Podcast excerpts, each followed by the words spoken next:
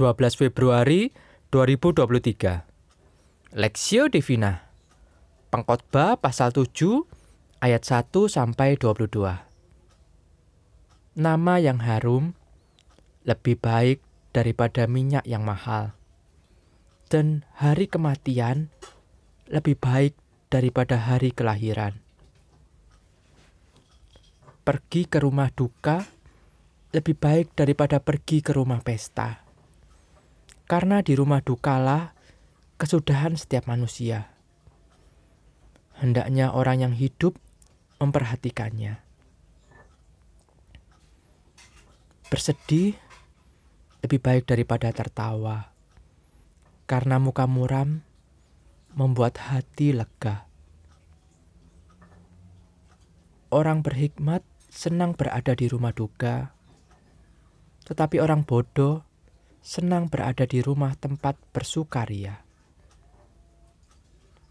Mendengar hardikan orang berhikmat lebih baik daripada mendengar nyanyian orang bodoh.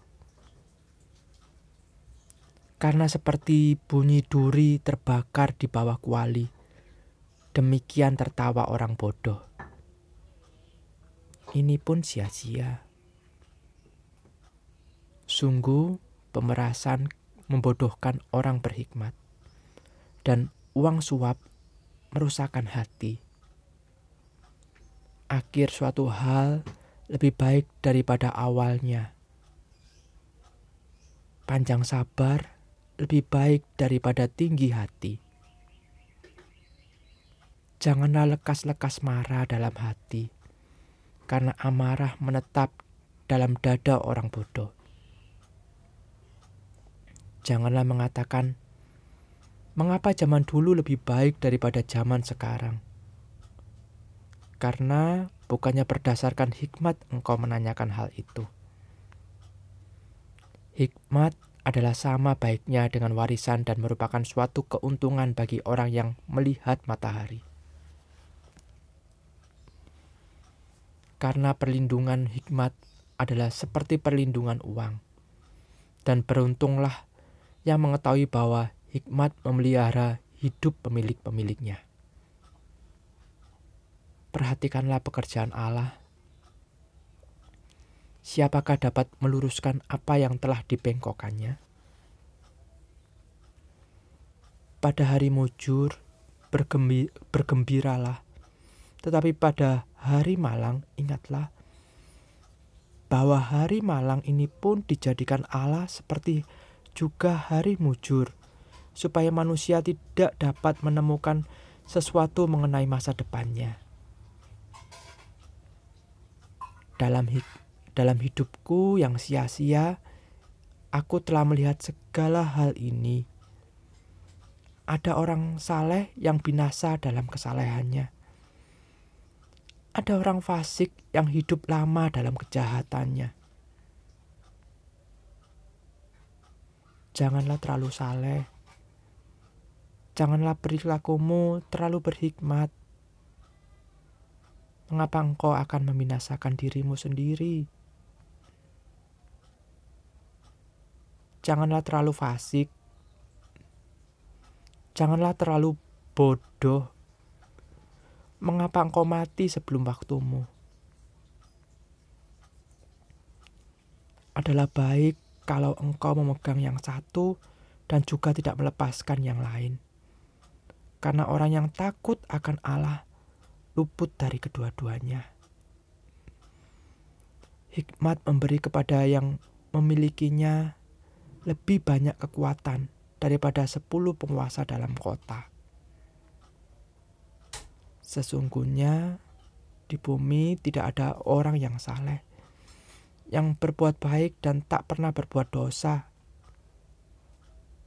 Juga janganlah memperhatikan segala perkataan yang diucapkan orang, supaya engkau tidak mendengar pelayanmu mengutuki engkau. Karena hatimu tahu bahwa engkau juga telah kerap kali mengutuki orang-orang lain.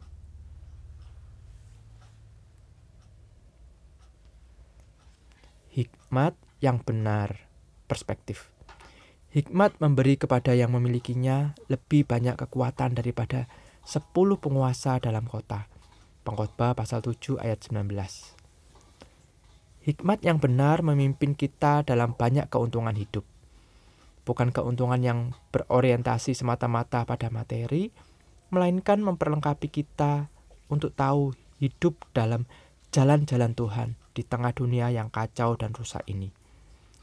Dalam bagian ini kita dapati ada ajaran-ajaran hikmat sebagai penangkal melawan penyakit-penyakit pikiran yang cenderung kita derita oleh karena kesia-siaan dan usaha menjaring angin yang terdapat dalam perkara-perkara dunia ini.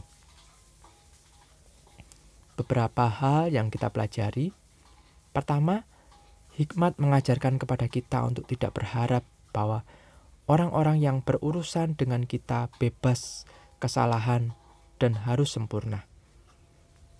Melalui hikmat, kita diajarkan untuk berpikir bahwa selama kita hidup di dunia, kita berhubungan dan bergaul dengan orang-orang berdosa. Bahkan orang-orang yang terbaik sekalipun, sehingga di bumi ini tidak ada orang yang saleh meskipun banyak berbuat baik dan tak pernah berbuat dosa. Kedua, Hikmat mengajar kita untuk tidak terlalu cepat menilai dan terlalu cepat menanggapi atau marah terhadap tindakan penghinaan. Jangan membuat hati kesal dengan caci maki orang atau kecurigaan-kecurigaan mereka terhadap kita.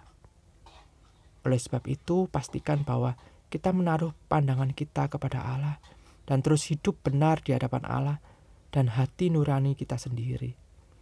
Juga, Jangan berfokus pada apa yang dikatakan orang lain tentang kita. Ketiga, hikmat mengingatkan kita akan kesalahan-kesalahan kita. Perhatikanlah cara hidup kita. Sudahkah kita berbuat hal yang sama buruknya kepada orang lain? Dan jika setelah direnungkan kita mendapati bahwa kita sudah berbuat hal yang serupa, maka kita harus mengambil kesempatan itu untuk bertobat dan memohon pengampunan Allah. Kita harus menunjukkan segala kelembutan terhadap semua orang, sebab dahulu kita sendiri juga hidup dalam kedegilan hati. Marilah dalam kehidupan yang dianugerahkan oleh Tuhan Allah, kita diperkenan untuk terus belajar hidup dalam kebijaksanaan dan takut akan Tuhan. Sehingga kita boleh menjadi perpanjangan tangan Tuhan kepada semua orang yang di sekitar kita. Studi pribadi, hikmat apa yang paling Anda butuhkan di fase hidup sehat ini? Hikmat apa yang sudah mengubah Anda dalam melihat kesalahan-kesalahan diri dan orang lain? Berdoalah, Bapa Terima kasih untuk hikmatmu yang memimpin kami dalam setiap musim hidup kami. Kami rindu hikmatmu memimpin mata hati kami untuk menerima dan mengampuni kesalahan orang lain dan diri kami sendiri